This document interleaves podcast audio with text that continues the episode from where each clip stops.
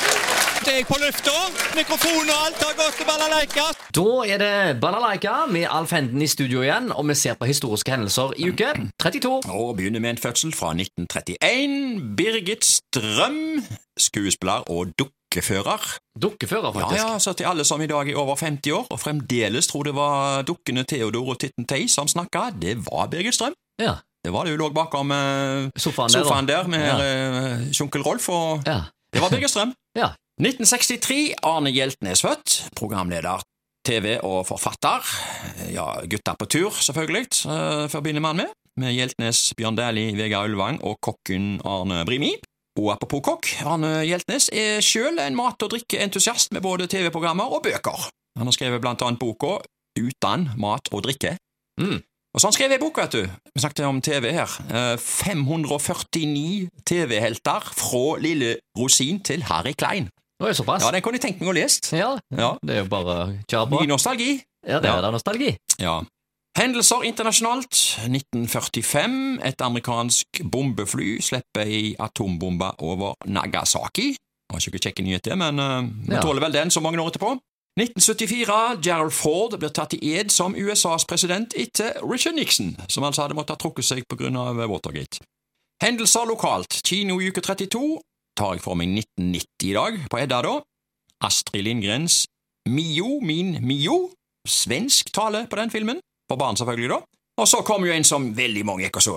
Pretty Woman. Hva det sto i kinoannonser. Hun kom fra gaten, inn i hans liv. Han var fortapt. Eh, Det var en film med Richard- Richard Gere og Julia Roberts, og VG skrev 'Se filmen som alle vil se, står i kø for og elsker'. Mm. 15-årsgrensa var det på den filmen der. En annen store film som gikk, det var Nye 48 timer. Gutta er tilbake i byen. Eddie Murphy og Nick Nolt. 18-årsgrensa på den. Så gikk filmen Skate or Die. 10-årsgrensa. Og så Tilbake til fremtiden. Back to future.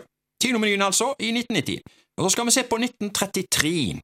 Gallionsfigur her. Eh, Haugesunds Avis skrev skipsreder Erling Monsen, London, har i disse dager kjøpt gallionsfiguren fra Norges siste seilskip, stålbarken Per Ugland, og forært den til Haugesund Sjøfartsmuseum. Det er meget vakkert treskjærerarbeid og forestiller rederiets grunnlegger, gamle skipsreder Ugland i Arendal. Og denne gallionsfiguren den står i dag på Karmsund Folkemuseum i Sørøygata. Ja, gallionsfigur det er jo sånn som er knytta til seilskutetida og må betegnes som sjømannens drøm. Og den er alltid i baugen på et skip. Det er ofte det mange ser etter. Hva er, hva er gallionsfiguren? Ofte er det jo da en kvinneskikkelse, eh, sånn som på eh, statsråd Remkull, som vi kunne følge minutt for minutt eh, i fjor sommer, så var jo gallionsfiguren ei stjerne. Ja, det er så. Så der, der eh, valgte jeg stjerne altså fremfor ei dame.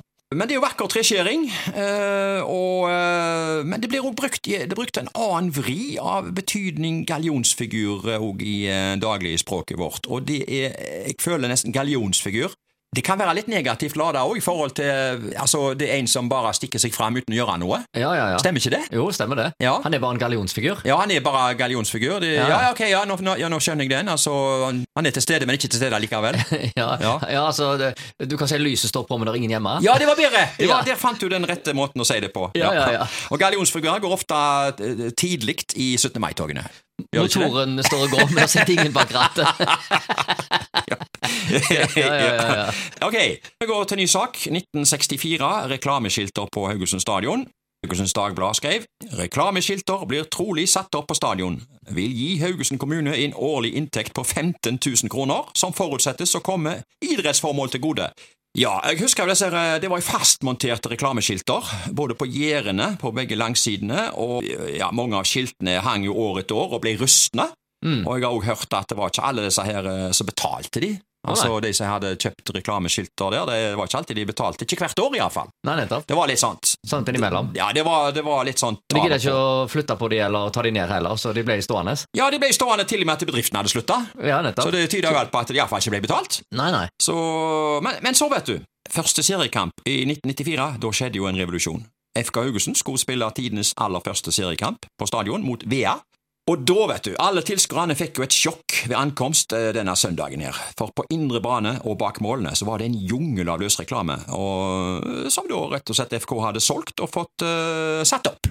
Mm. Det var en ny tid. eh, Og det, i gamle dager var det jo disse her fastmonterte, det var jo eh, små summer vi egentlig snakket om. og Plutselig så var det millionindustri. Ja, ja. FK Haugesund gjorde nok en mye bedre jobb på den sida enn eh, Haugesund kommune gjorde med å selge. For å si ja, det på ja, den måten. jeg skjønner det. Ja, ja.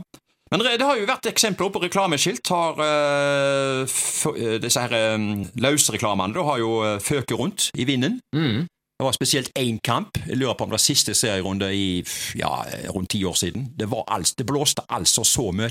Ok. Ja, ja, det var eh, det- Om det var det mot Strømsgodset, jeg skal ikke si det sikkert. Men det blåste altså så mye at jeg tror, de, jeg tror eh, rett og slett eh, FK Haugesund innså at dette her var for farlig. Ja. For Så- reklameskiltene, de De ble, jeg tror de ble pakket ned eh, og Ok, tatt, såpass. satt bort. Ja, det var altså så gale. Ja, nettopp. Ja, så, men, men. Reklameskilt er nok eh, jo Kom for i- å bli. Ja, men det er jo i dag er det en annen eh, setting igjen. I dag er det hva heter det som ruller går eh, grafikk. Hva heter det? Det har et navn.